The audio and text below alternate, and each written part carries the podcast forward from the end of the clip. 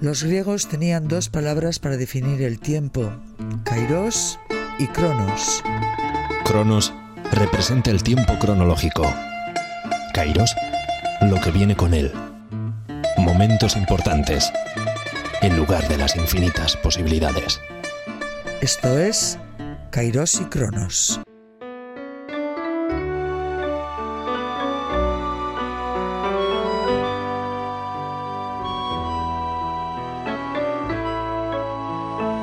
Hola, ¿qué tal? Al presentar a nuestra invitada Manu Rizo, normalmente se le vincula con otra persona, con Amable Arias. Fue la compañera sentimental del artista durante sus últimos 14 años de vida hasta su muerte en 1984.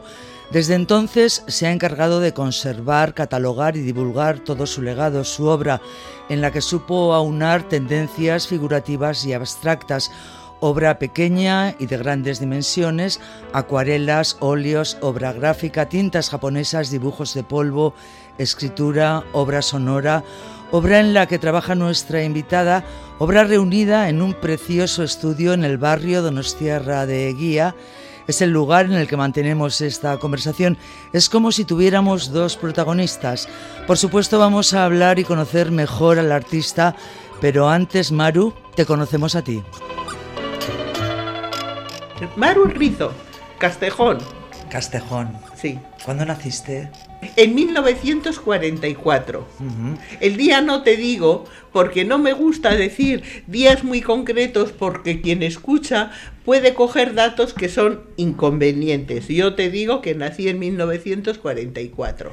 ¿Naciste en? Donosti. En Donosti. Aquí mismo, muy cerquita de aquí porque nací en mi casa en Duque de Mandas, número 11. Igual que mis hermanas, las tres nacimos en... Todavía no había costumbre de hospital y estas cosas y las nacimos las tres en... Sí. Mi familia es una familia muy especial. A ver, ¿cómo te diría? Eh, pertenezco a una familia muy distinta por, parte de madre que por parte de padre. La parte de mi padre, muy negativa, muy negativa, toda la familia cercana a él, y él, mi padre también muy negativo, un personaje repugnante por todos los lados. Mi padre fue un personaje es que es una especie de, Podía haber sido un personaje de Buñuel, un personaje inútil completamente. Él era una cosa que se llamaba militar en reserva que yo no sé muy bien lo que es, nunca lo he sabido, yo a mi padre jamás le he visto de militar, pero cobraba por eso. Y ya no trabajaba en otra cosa, no hacía nada, todo el día para aquí, todo el día para allá y todo. Eh, bueno, pues total, cuando estábamos allí tan, tan mal, tan mal, pasándolo tan horrorosamente, y por fin, cosa inaudita, eh, bueno, no, inaudita no, tiene su lógica. Eso se puede decir, no, no hay por qué negarlo. Creo que en esas cosas hay que decir verdad. Antes había unas cosas que cuando algún padre o una madre o una persona tan cercana era mala, había una cosa como que las cosas no se sepan dejar en casa y no se dan cuenta que si esas cosas no están en boca de todos, habrá mucha gente que no se atreva a decirlo y entonces no habrá soluciones para eso. No, no, no, hay que decir las verdades y, y saber lo que puede pasar en cada caso. Pertenecía a una clase social, era nacido era, era, de familia medio de Madrid, medio de Palencia. Es nacido en Palencia de grandes... Eh, y era como un terrateniente, ya me entiendes, ¿no? Y esta gente eh, eran, yo no sé, mi madre, como no se dio cuenta de lo que era, Pero bueno, después ya se, dio cuenta enseguida. Y, bueno, y la cosa es que era un hombre que tenía como cosas feudales, todavía como si no hubiera cambiado de siglo y de cosa. Ellos pensaban que ellos tenían derecho casi sobre la gente de alrededor. Mi mamá fue cuando yo era muy pequeñita conmigo allí a ver a la, finca de, de su marido cuando yo tenía, me parece que tres, madre, tres meses, tres meses y, y, bueno, se quedó horrorizada de cómo trataban a los, no sé cómo les llamaban, a los, no eran obreros, a los trabajadores del campo que contrataban en la familia y todo eso. Era de unas maneras, mi madre, que de eso no, no era así, pues le parecía horroroso. O sea, no tienes buen recuerdo de tu padre, evidentemente. No, no, no, no, no, tengo un recuerdo horroroso cuando me acuerdo de él, pero yo no me suelo acordar. Ahora ha surgido en la conversación y tengo que hablar, pero vamos, yo no me acuerdo de él para nada. Sin embargo, tu madre creo que es de... Mi amacho otros, es, una persona que era la antítesis de mi padre. Eso no te quiere decir, te quiero decir que todo lo de mi amacho fuera bueno. No, no, no. Mi madre tenía cosas positivas y cosas negativas. No se puede negar. Eso eh, es corriente. a todos nos pasa. Que creo que a todos nos pasa, efectivamente. a todos nos pasa un poco. Yo muchas veces me pregunto, ¿Cómo soy? ¿Qué soy? Yo eso es uno de mis pensamientos, pensar en mí misma como resultado de X circunstancias que me han rodeado. y, eso no toda la gente lo piensa. Me acuerdo que una vez vino aquí un chico a hacerme unas entrevistas y unas cosas y quiso hablar con mi hermana, la que vive en Inglaterra, desde chavalita se bueno, de jovencita. Y, y le preguntó, en, esta en este mismo estábamos, y le preguntó y le dice, oye Pili, eh, eh, ¿tú qué te acuerdas de esto? ¿Tú te acuerdas del otro? Y dice Pili, yo nunca pienso en mí como, como un pasado, ¿no? Y a mí me llamó mucho la atención mi propia hermana que, me, que dijera eso. Yo pienso muchísimo en mi vida.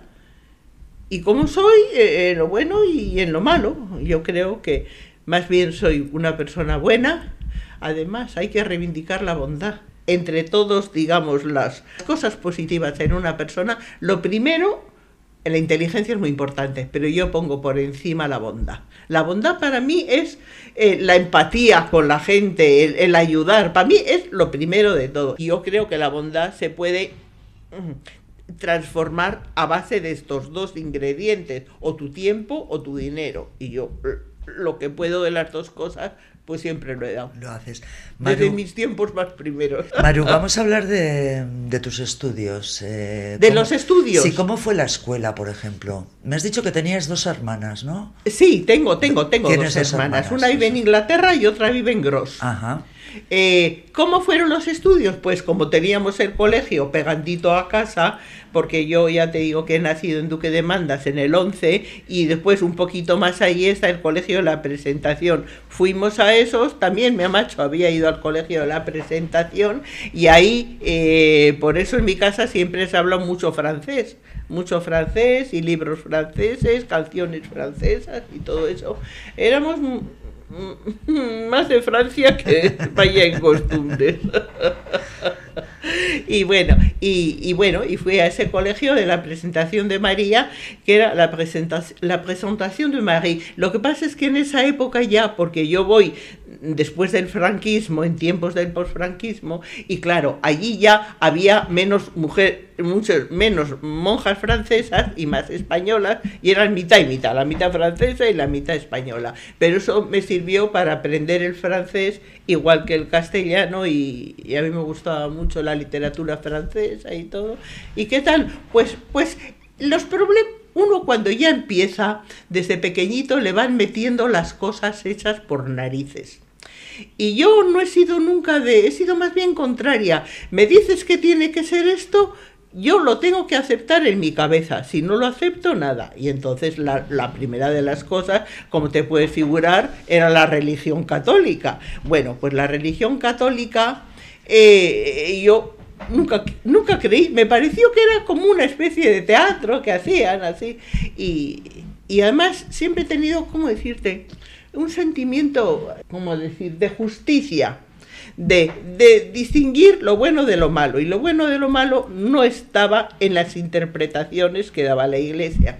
Me acuerdo que un mismo día nos hablaron que si Dios se le presentó a Abraham y le dijo, tienes que quererme más que a nadie. Y entonces, para demostrar tu cariño hacia mí, el hijo que tienes lo tienes que quemar vivo en una pira y entonces le prepara ahí unos, unas maderitas para poner al niño, le pone un palo para engancharlo y quemarlo vivo. Y ya cuando está prendiéndole fuego, el Dios le dice, se le vuelve a aparecer, no, ya veo que me quieres más a mí que a tu propio hijo, eso está muy bien. Y yo, yo me Tú no entendías nada. con esa barbaridad. Y yo dije, pues yo, si a mí me pasa eso, hubiera pensado, tú que me hablas no eres Dios, eres el diablo, porque me estás pidiendo una cosa mala un silencio en, los que estaban allí y, eso te lo pongo como un ejemplo de muchas cosas que surgían, que eh, lo que te enseñan está en contra de tu criterio, que, que tú con tu poca edad ya vas distinguiendo lo bueno y lo malo, pero no por lo que te enseñen, sino por tu propio concepto, por tu propia idea. Y eso sí fui desde muy, muy cría yo, eh, hacer las cosas, eh, hacer lo que quería. Yo digo, soy muy obediente para lo que quiero, claro, para lo que estoy de acuerdo, nada más. ¿Proseguiste luego los estudios? Eh, ¿Fuiste al instituto o no sé hasta no, cuándo no, no, no, bueno, empecé, pero, pero se rompieron porque, y como te he dicho antes, mi padre y mi madre se llevaban muy mal y mi padre nos quiso llevar a Madrid y entonces eh, nos llevó a Madrid y estuvimos desde el 61, yo creo que es desde el 61 eh, que nos lleva a Madrid y nos tiene tres años allí en Madrid. Volvíamos... Internas, en un colegio. No, no, ah, En, casa. Con ellos. Eh, había mi padre alquilado un piso, un piso, todavía me acuerdo, en el Paseo Recoletos, número 33, segundo. Y, y a mí eh, me llevaron a estudiar al Liceo Francés, que estaba justo pegadito a la vuelta porque como ya sabía francés y todo, y estuve allí. Pues en Madrid, como había tantos barullos, tantos, tantas situaciones muy, muy malas, y ya nosotros, mi madre y nosotras, nos queríamos venir para aquí, a mi madre le dicen que lo que tiene para, para, para conseguir una separación, que no había divorcio, ¿eh? para conseguir una separación es demostrar que mi padre era un adúltero. ¿Cómo vas a demostrar eso?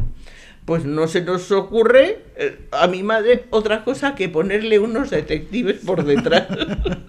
Pero eh, lo que hace este hombre tampoco servía para mucho lo que era demostrativo de la inutilidad. de una persona. Increíble. Los se, los, se quedaron los. Dicen que nunca habían seguido a una persona tan inútil, porque lo que hacía era quedar con una chica en un bar, estar como una hora y media, entonces salía y se iba a otro bar, había quedado que por teléfono con otra chica en otro bar y así todo el santo día. Y de vez en cuando se había una que se llamaba Carmen Chu que parece vasco, pero no, era de allí de Madrid, Carmenchu, que esa, con esa sí se metía en un piso, pero claro, eso tampoco te demuestra. No demostraba nada. No demostraba nada. Bueno, luego hubo una cosa que, que no te puedo contar, que relacionada con política, que le pillaron a mi padre en una cosa no pienses que izquierdista, no, mi padre era un fachoso morrocotudo. Eh, sí, pero se le descubrió una cosa que le ponía en, muy mala situación como militar. Y entonces, en casa, entre dos camisas, lo tenía él y se le encontramos una carta y hicimos una fotocopia, se la llevamos de inmediato al, al, al abogado que nos llevaba los problemas de la separación y dijo, esto, Conchita, Conchita era mi macho, Conchita, con esto, ya verás, vamos a decirle a tu marido que tenemos esto. De inmediato aceptó la separación. O sea que tus padres se acabaron separándose. Sí, se separaron y nos volvimos a Donosti, las, tres, las tres hermanas y la macho. Mm. Y luego ya cuando vengo aquí, eh, mi madre se da cuenta que claro, que tiene menos dinero, que hay que empezar a trabajar. Yo en el 67 me meto en el Banco Popular. Bien, el banco trabajaba en, en moneda extranjera. Como sabía idiomas, pues entonces eh, trabajaba en moneda extranjera porque en aquellos tiempos eh, no había el euro y cada, cada país tenía su propia, moneda, la lira italiana, el, el, el, franco suizo. Eh, te quiero decir, el, el, escudo portugués, el dólar canadiense, pues bueno, pues entonces había que traducir esas, esas monedas y conocer los billetes y traducirlos a pesetas. Y ese era mi trabajo, hablar con los extranjeros, eh, traducirles en dinero, pagarles y esas cosas. Bueno, eh, era muy tímida yo, era muy tímida al principio. No me lo creo. Sí, sí, muy tímida era, de pasarlo muy mal y todo. Y, lo pasé muy mal, pero sin embargo me sirvió para, para espabilarme. Tuve siempre compañeros muy majos, jefes no, jefes he tenido uno acosador y, alguna cosa mal, otros majos, pero vamos, pero allí empecé a trabajar y el mismo banco conocí yo a Amable. Fíjate cosa tan. Maru, vamos a hablar de música, de la música que te gusta, y ya escuchamos la primera de las tres canciones que siempre pido a los invitados y a las invitadas de este espacio. Yo te diría que a mí me gusta mucho, soy. me gusta la música buena porque entiendo que la música es, hay música de escuchar y música de brincar. Yo en mi vida juvenil he sido también de música de, brincar, no de yo bailar agarrado y eso, eso nunca me pareció, me una cursilería. A mí lo que me gustaba era brincar y era, era muy buena bailarina en el sentido de a los locatis, era muy buena. Pero eh, eso lo veo ya una cosa más, no sé cómo decirte, eh, que te sirve para algo más utilitaria. La música para disfrutar, escuchando y todo, a mí lo que me gusta es la música, es la ópera y, es también eh, la música de autor francés. Eh, ahora que me has dicho tres obras que me puedan interesar, no sé por qué de repente me han venido eh, la ópera como esto y como cosa de ópera que me parece uh, que, cada vez que la veo se me ponen los pelos de punta, pero eso me pasa muchísimas veces. Eso es un, un, se llama concertante en ópera, que un concertante es cuando toman parte, es un, en las óperas suele ser de una calidad extraordinaria los concertantes porque cantan todos los solistas y además el coro. Y, suele ser en ópera momentos estelares casi. Mira, en Lucia de la Mermur hay uno que se llama ¿Quién me frena en tal momento? Quiere decir, ¿quién me para en este momento? Que es así. chi me frena in tal momento drirarum drerirarorarom drerirarorarom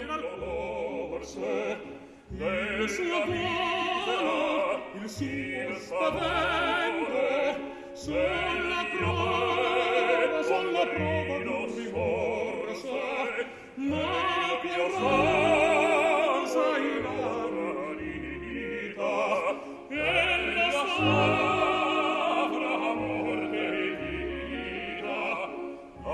Menschen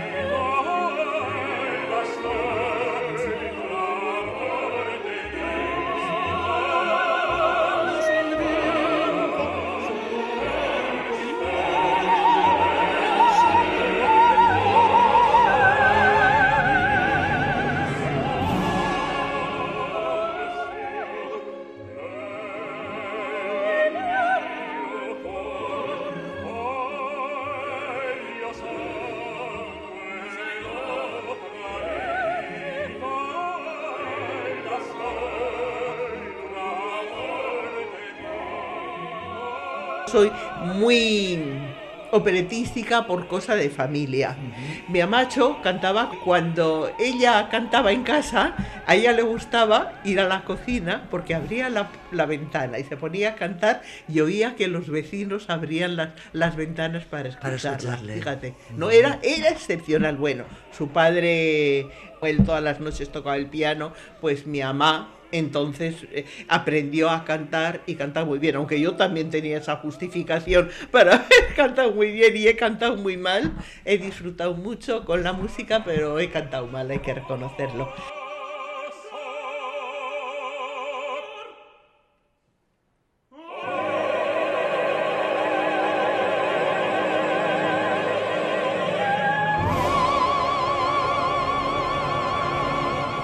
Nos habíamos quedado en que Amable Arias y tú os conocisteis en el lugar de trabajo, era el año 1970. Amable conocía a las hermanas de Maru y bueno, pues lo dicho, se conocieron, conectaron y comenzó su historia de amor. Ahora sí ya hablamos del artista.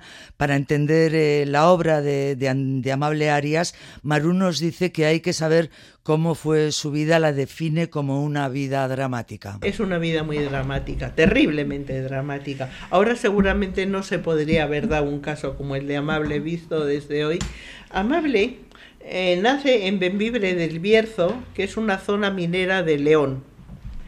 Eh, allí, cuando está, cuando tiene nueve años, está jugando con unos amigos en una estación de trenes y hay unos trenes allí que están en punto muerto, que están como unos, unos vagones abandonados, pero para los chavales pues juegan con ellos de manera muy peligrosa, tanto que a uno lo empujan y están ahí jugando con él y, les, y le aplasta a Amable contra la pared, ese, ese propio vagón que ha cogido inercia terrible, le cogieron eh, amable cuenta que esa escena en la que él está herido, cómo se portaron sus amigos, pero dio además una manera inteligentísima, los chavalitos tenían como él, ocho o nueve años, le agarraron eh, eh, por los brazos, por las piernas, y uno se puso debajo doblado para que amable, porque se dieron de inmediato cuenta de la enorme gravedad que, estaba prácticamente partido por la mitad. Sí, sí,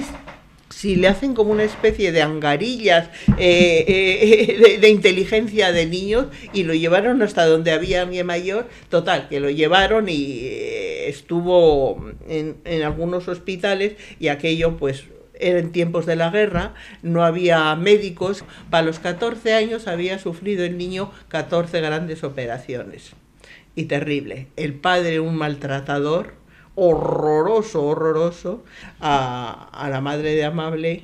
Lo cuenta Amable en, algunos sitios, terrible con ella, fue terrible, malvado, con el niño también. Y entonces es cuando al, al padre le dan un sitio en Donosti. Y cuando Amable tiene 14 años, vienen el padre, la madre y el niño a San Sebastián. Es tan malo el padre que en aquellos tiempos, que sería el 50 y, no sé, 52, 53, 54, no te puedo decir exactamente, un juez, hay un, un lío en la casa, la madre, el padre, no sé qué, total, que eso llega a manos de un juez. Y el juez lo despacha de San Sebastián Fíjate, en aquellos tiempos, inaudito, no le, sí, en aquella época, fíjate cómo le vería de malo. Y entonces le manda fuera de San Sebastián, se fue a vivir a Barcelona y se queda aquí él con su madre. Su madre, pues poquísimo dinero, eh, pero bueno, eh, eh, viviendo por lo como menos, podía. Por lo menos liberada de. Eso, liberada. Y claro, eh, el, dinero era muy escaso, la casa que tiene era preciosa. Eh, la madre, para hacer dinero, lo que hace es lo que se llamaba en aquellos tiempos veranear.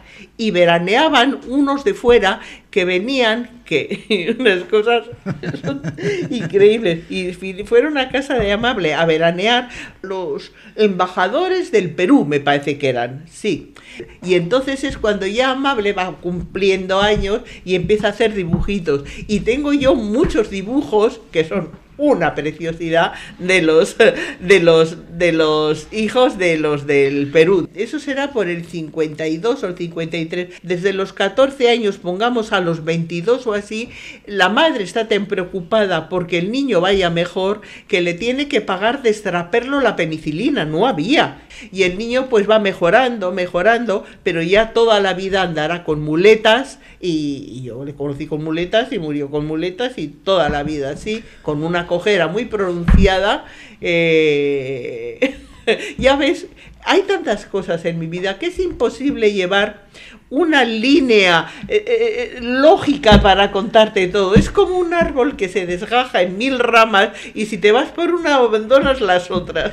Pero eso es lo bonito de las conversaciones, a veces irse por las ramas y de repente volver al tronco o irse por Eso de volver al tronco, no, no sé si soy capaz. O, irse por otras ramas, por las ramitas más, más pequeñas, efectivamente. Te explico que cuando Amable tiene 14 años, por la situación, el padre se va, la madre le atiende como puede, pero no le da profesores no, no se preocupa para nada y está preocupada por la salud de su niño, por el dinero, cómo poder vivir del día a día y otras cosas, y lo que amable no tienes profesores. Esa es una preocupación extra. Eh, el sobrevivir era lo primero, claro, claro, y era tan secundario en ella que amable no se le da... Eh, lo que estudia hasta los nueve años en Benvibre es lo que estudia. Pero un día va por la calle Miracruz con su madre del brazo y una muleta y entonces ve en la calle en la esquina de la calle Miracruz un sitio donde daba clases Ascensio Martiarena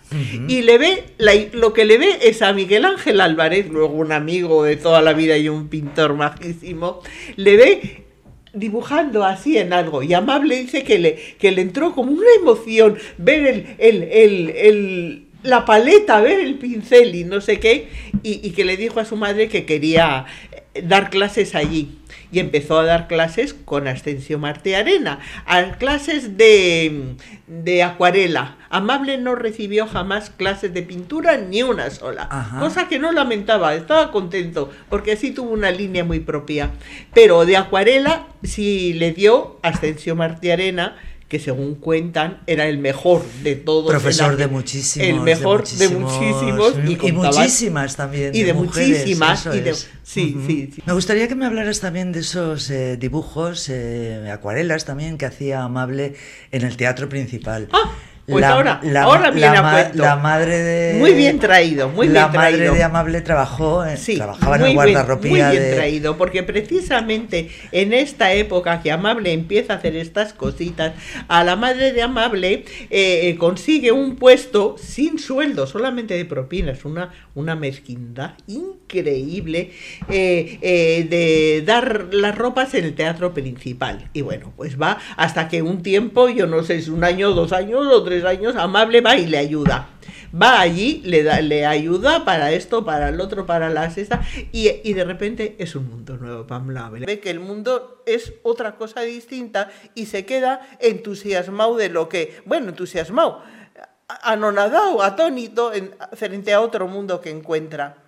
Esto amable decía, en un escrito decía, llevaba poco tiempo entrando en Tramoya, acudí allí porque me atraía el mundo tras el escenario, actrices, actores, cómicos, bailadoras, cantantes, cantaores, bailarinas, chicas de revista y un muy largo abanico de luces de fantasía. En fin, todo lo que el teatro era y seguirá siendo por lo demás, tenía a mi disposición un mundo de personajes que me servían para dibujar y hacer acuarelas que no se encontraban más que ahí. Tan pronto estaba en los camerinos de arriba, como en los laterales, como en las bocas del escenario, donde un tramoyista desde cada lado tiraba del cable de la polea para subir el telón. Aquel era un buen lugar para ver los ensayos de los actores o de los bailarines o las trampas de los ilusionistas. Si la obra era una revista, se juntaban a cada lado de diez a seis coristas que se apelotonaban durante unos instantes junto a mí. Otras veces me quedaba detrás del escenario entre los cajones del atrecho. Estos artistas de los que Amabe habla son los que posaron y así nació esta serie de dibujos, que son cerca de 60 acuarelas y unos 40 entre lápices y tintas, realizadas entre 1954 y 1957. Él que había estado en, su casita, te quiero decir, tan pobremente, yendo de, de, la hamaca, la hamaca es una hamaca que tenía donde se echaba para estar el gusto, así, tan pobremente de ahí a la terraza, luego saliendo con su madre un poquito, un mundo de una pobreza intelectual enorme y entra amable en el teatro, entra amable a ayudar a su madre en el guardarropa del teatro principal. Encuentra un mundo completamente él está en Bluí, no sé cómo se dice en castellano. Casi no imaginaba que existía. Eso, tú has dicho, tú lo has dicho y se queda diciendo, pero ¿qué es esto? Y bueno, y ahí va descubriendo muchísimas cosas. Lo primero que descubre es que se descubre a sí mismo y su falta de conocimiento, su incultura, su no saber nada de nada de nada, las, las cosas que sabía de casa, o sea, eh, nada. Y él se da cuenta que no sabe nada. Y lo que hace es le entra una voracidad de conocimiento que qué puede él hacer para saber. Y lo que se le ocurre a él es ir a la Plaza de la Constitución, que está en la Biblioteca Municipal, y todas las mañanas decía él que muchísimo esfuerzo, te quiero decir, que eso va todos los días desde casa, sin autobús, sin nada, va a, a pata, eh, con, con, muletas y vuelve allí para, para leer, solo Estudiar para él consiste en leer, en leer el conocimiento.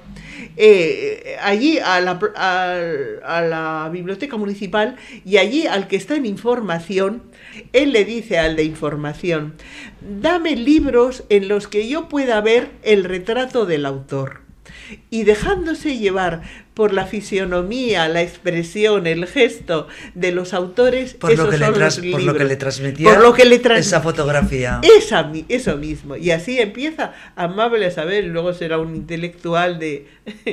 pero nunca tuvo, fíjate, y entonces en ese momento Amable empieza a leer, a leer con una voracidad tan grande, tan grande, y también empieza a ver el teatro, que es una fuente de donde él puede sacar eh, sus, sus primeros relaciones, eh, me refiero a relaciones artísticas, porque casi ningún artista se le niega. Cuando él le dice, quiero hacerte un dibujo, quiero hacerte una acuarela, no se le niega, no, al contrario, dice que era una gente, los actores, majísimos, encantadores, menos dos, que había dos que eran, que eran, yo lo entiendo muy bien, yo también lo entiendo, era Fernando Fernán Gómez y Analia Gadé.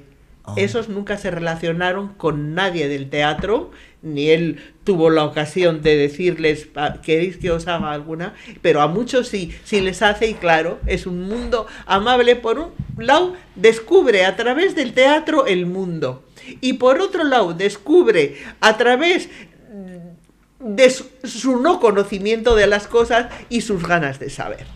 Más música, vamos con la segunda de las canciones que ha elegido Maru. Para mí la más bella canción de amor es Qui sans que tu protestes refera ces gestes qui ne sont qu'à nous Qui aura la chance d'avoir ta présence souvent Es una canción maravillosa.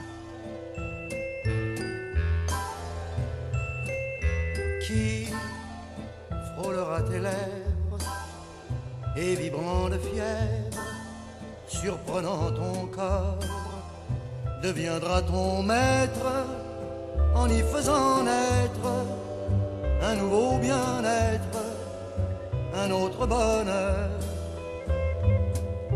Qui prendra la relève pour combler tes rêves et sans un remords d'un éclat de rire saura te conduire à mieux me détruire?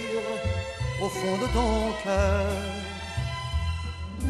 Qui peut être cet autre? Qui sera cet intrus? Dans tout ce qui fut nôtre quand je ne serai plus Qui prendra ta faiblesse? Avec des caresses et des mots d'amour, et couvrant d'oubli nos jours de folie, qui prendra ta vie au bout de mes jours. Nous vivons à vingt ans d'écart, notre amour est démesuré, et j'ai le cœur au désespoir pour ces années. Car lorsque mes yeux seront clos, d'autres yeux vont te contempler. Aussi, je lutte avec ce mot de ma pensée. Qui, sans que tu protestes, refera les gestes qui ne sont qu'à nous. Lorsque je t'embrasse, lorsque je t'enlace, qui prendra ma place? Autour de ton cou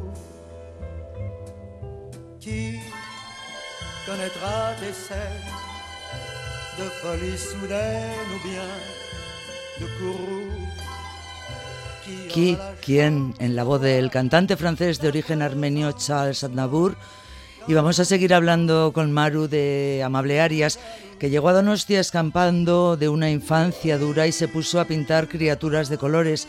Llegó sin saber apenas nada y terminó adelantándose a su tiempo. Formó parte del grupo Gaur, el grupo que renovó el arte vasco. Le gustaba explorar, experimentar, romper con lo que ya estaba hecho, incluso con su propia obra. Él decía, nunca he podido hacer lo que los demás han hecho. Y entonces siempre buscaba caminos distintos. Y a mí, me, a mí me decía, Maru, cuando encuentres cosas que tú piensas que no me van a servir para nada, tráemelas, esas son las que yo quiero. Por eso la obra de Amable, vista desde hoy, es tan inaudita, es, es que es tan, tan especial, tan en aquellos tiempos no le entendían. Un- ten en cuenta que ahora la gente aquí ha salido, ha visto en otros sitios, tiene otra idea de lo que es el arte. Antes es que, ¿sabes cómo le insultaban porque hacía cosas que no entendían? Tengo yo cosas de los periódicos y todo. Cuando hizo en el 63, yo Amable le conozco en el 70. Esto es mucho antes de conocerle yo. En el 63 tres, hace una, una exposición que ahora la están reivindicando por todos los lados. En el ayuntamiento, en los bajos Sí, del ayuntamiento. en los bajos ¿no? del ayuntamiento y entre ello había, entre las obras que presenta, había eh, tres marcos vacíos, sin nada dentro, tres marcos. Y la gente se sintió que se reían de ellos. La gente se sintió ofendida, Sí. atacada. Sí, y que se reían de ellos, que si no sé qué. Un- una- unas cosas en los periódicos, como llamando casi a una. a ponerse en contra. Bueno, también era, era el franquismo, las cosas, hasta en el arte había el franquismo, ¿eh? En todo, en todo. La obra de Amable es una maravilla. Es que no, nadie puede, nadie puede saber, ni yo misma, lo que es la obra de Amable. Es excepcional. Era una persona, él ya te contado que sus comien, que su situación fue distinta y su obra es distinta. Es una obra que nunca estuvo mediatizada por el vender o no vender, porque como casi no vendía, vendía excepcionalmente, pues él hacía lo que él quería. Tampoco estuvo mediatizado por las salas de, de las galerías, porque como tampoco le llamaban a las galerías, pues entonces hacía lo que le salía. Es una obra tan personal, tan atrevida, tan libre, que, que- no se da en ningún sitio. Amable muere en el 84, yo estoy trabajando en el banco y el tiempo que no estoy trabajando en el banco me dedico a las cosas que a mí me gustan. A mí me ha gustado mucho siempre el cine, eh, me ha gustado mucho, bueno, muchas cosas, pero eminentemente como plan trabajo, trabajo es organizar la obra de Amable. Amable era bastante mayor que yo, me parece que me llevaba 18 años y bueno, yo muy jovencita, tenía treinta y tantos años cuando me quedo sin Amable, pero me dedico siempre a, a- su obra, un vicio que me, que me ha durado toda la vida. Yo siempre me di cuenta que Amable era excepcional, que no es que fuera bueno o malo, no, era otra cosa. Eh, amable es otra cosa. Es un mundo que está, su vida está ahí. Es una cosa rara, rara, pero es así. Yo siempre pensé que Amable iba a ser, y está siendo ahora, como una bola de nieve que a medida de que se le vaya conociendo irá creciendo, creciendo, creciendo. En mí se dan cosas, que, que yo sé lo que es arte, que yo mm, he sido su cómplice, que en muchas cosas he tomado parte con él en obras de arte. Y entonces yo sé de lo que estoy hablando. Y, y por ahí puedo hacer y después tenía el tiempo, pues, pues, pues ¿qué más quieres? Todo lo tengo, por eso eh, me dediqué tan tan de en el propio 84 y empiezo cuando muere Amable y empiezo a organizar todas las cosas. Desde la muerte del artista Maru comienza a organizar sus trabajos Jubilada desde los 52 años y tras comprar este estudio, su empeño es aún mayor. Trabaja rodeada de sus pinturas, dibujos, fotos, libros y escritos. De estos últimos nos vamos a detener en los Cerezades. Son Amable Arias y las mujeres, sus mujeres. Cuando Amable estaba un poco pochito y no iba a la tertulia con los amigos, yo le dije un día, eh, y Amable es que era un hombre muy intelectual mucho pensamiento, muy reflexivo, muy de estudiar, muy de leer continuamente. Y solía mantener unas conversaciones conmigo que eran como de arte, de filosofía, de marxismo, de cosas muy, muy, muy, muy, muy profundas. Y, yo encantada, pero llega un momento que esas conversaciones te cansan. Y le dije yo, ¿por qué no me hablas de algo más, más corriente, más, más usual? Y le digo, cuéntame tus amores para hacer la cosa más ligera. para otro tipo de conversación. Sí, para otro tipo de conversación no tan serio, cosa que a mí me parecía muy bien el otro, que a mí yo también soy de pensamiento y reflexiva y, y el pensamiento intelectual me importa, pero no tan continuo y tan largo. y bueno, y entonces me dijo, sí, pues te voy a... Te... Vale, pues muy bien, pues empezamos, empezó a contar y le digo, deja, deja, que lo que me estás contando es precioso. Y me puse en una lexicon que tengo ahí, que yo soy malísima escribiendo. Y le dije, pues espera un poco que voy a ir, voy a ir haciendo, habla más despacito, vete a mi ritmo y me vas contando. O sea que de alguna manera te estaba dictando. Me estaba dictando. Tú has usado la palabra oportuna, porque él empezó contando, pero de inmediato a los 10 minutos le dije yo, deja, deja, a mí. Y entonces me dicta y me dictó, me parece que son 112, que son eh, las mujeres de su vida. Eh, eh, empezó con amores, luego era muy enamoradizo. luego eran también amigas, eran situaciones de, de, mujeres que, de la que él fue protagonista y son muy interesantes bajo ese punto de vista. Te quiero decir que hay muchas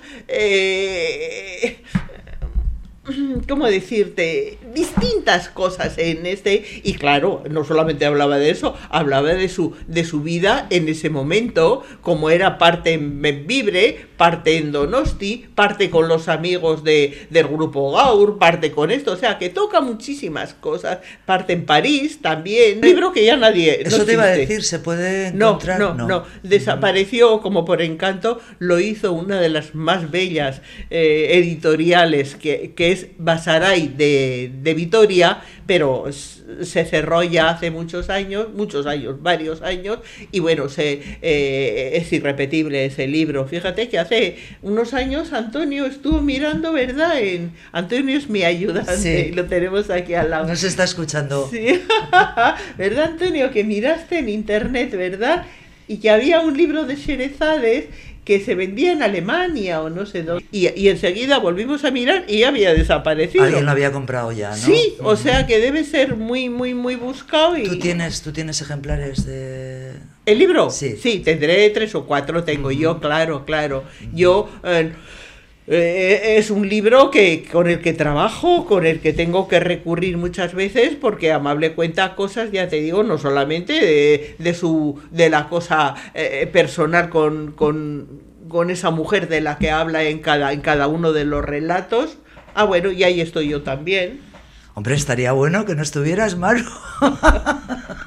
Te habrías enfadado seguramente, sí. No, es que tenía que estar claro. Por, supuesto. Amable Arias indagó en la plástica y en la palabra con igual énfasis. Fue tremendamente creativo con la voz, en una línea artística con intervenciones de voces humanas, ruidos instrumentales, poemas.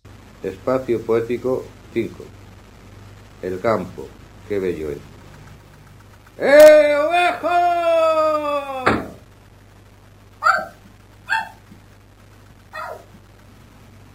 Espacio poético número 6. El teléfono. Se llamará por teléfono a tres números. 27, 81, 81, 23. 27, 31. Espacios poéticos. Conversación entre amable y amable niño. Estilo Borges y otros. No habrá el hermosísimo poema de Víctor Hugo. ¿Qué te parece el mundo? A mí bien. Juego piola. A los santos y a las carreras soy el mejor. Ya será menos. ¿Te parece bien con lo que está pasando en Alemania, Italia, Francia y España? Bueno, eso es cosa de hombres. A mí me gustan los dirigibles, los aviones y las máquinas del tren. ¿Es que no piensas en el futuro? Sí, en la merienda y en el frío que paso cuando voy a la escuela por la mañana. Su voz, su voz también en un ejercicio de memoria, es una biografía de su infancia, sus primeros recuerdos hasta el accidente a los nueve años de edad en su lugar de nacimiento. Son 28 casetes de una hora de duración cada uno. Flor verde, muy, muy quizá desgastadas, y eran como unos bodegones, eran como dos cuadros, no me atrevería a decir tanto, porque eran unas láminas, no creo que ni siquiera tuvieran... Yo solo me acuerdo de las láminas. Creo recordar pues que había unas sandías cortadas y cosas de este tipo, y, y había dos. Allí había, por supuesto, mucho humo que venía de los fogones. Normalmente, pues lo que funcionaba en general era esta parte, que era el comedor, donde también comían mi familia. Y la cuestión era de tal pobreza que muchas veces venían grupitos o grupos de hombrecicos de los pueblos y con mi madre tenían una larga conversación para que les hiciera la comida mientras ellos iban al mercado. Gracias, mil gracias, Amaru, por el tiempo, por la conversación más que agradable, por el humor, por los recuerdos más íntimos y por darnos a conocer a Amable Arias. Se han quedado en el tintero muchas cosas, por ejemplo, que su madre Conchita era marquesa de Belamazán y que vendió el marquesado a un familiar al separarse de Julio, su padre. Historias de su abuelo, el que tocaba el piano, un militar al que le gustaba la astronomía y las corridas de toros, aunque a la vez las considerara una atrocidad. Le tocó presidir un juicio contra unos anarquistas y su fallo fue no culpables. Se invalidó el juicio y con otro juez fueron condenados a muerte. Historias que Maru recuerda y está plasmando en sus memorias que actualmente escribe. En un futuro próximo va a tener mucho trabajo con el trabajo de Amable Arias, con varias exposiciones en el Museo de San Telmo en Donostia, museo al que Maru ha donado no hace mucho la serie de acuarelas dedicadas al teatro de la primera época como pintor de amable. Exposiciones también en el Bellas Artes en Bilbao, en Bayona. Es la bola de nieve que va a más. La despedida con la última de las canciones que ha elegido, Un día vendrá, la voz de Jean Ferrat, musicando un poema de Louis Agagon. Es una canción muy social en la que dice que llegará un día y entonces cuenta cómo será eh, las relaciones humanas entre todos nosotros eh, para construir un mundo justo, de amor y todo eso. Es una canción preciosísima. Nos vamos ya en la técnica José Alcain, el saludo de María José Villaverde. Agur. Tout ce que l'homme fut de grand et de sublime, sa protestation, ses chants et ses héros au-dessus de ce corps et contre ses bourreaux. À Grenade aujourd'hui surgit devant le crime et cette bouche absente et l'orca qui s'est tue, emplissant tout à coup l'univers de silence contre les violents tourne la violence, Dieu ne fera qu'à que fait un poète contu. Un pourtant, un jour viendra, couleur d'orange, un jour de pâle, un jour de feuillages au front, un jour d'épaules nues, où les gens s'aimeront un jour comme un oiseau sur la plus haute branche.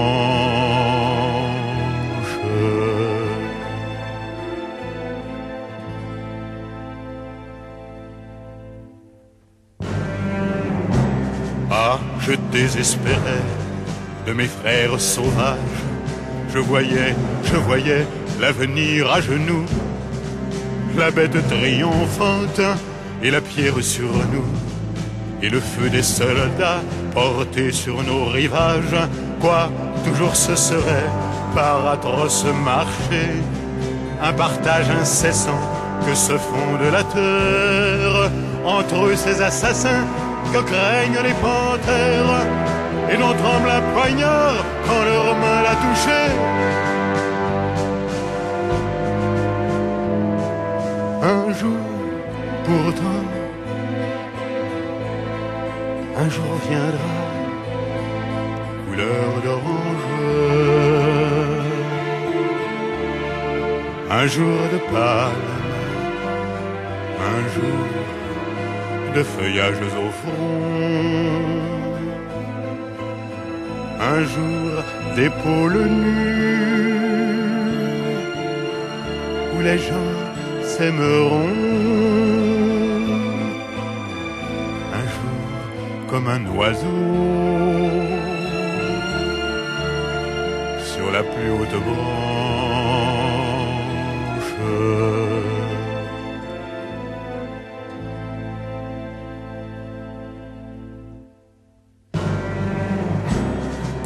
Toujours ce serait la guerre, la querelle, des manières de roi et des fronts prosternés, et l'enfant de la femme, inutilement né, les blés déchiquetés, toujours des sauterelles, quoi, les bagnes toujours, et la chair sous la roue, le massacre toujours justifié d'idoles, au cadavre jeté, ce manteau de parole, le baillon pour la bouche et pour la main le clou.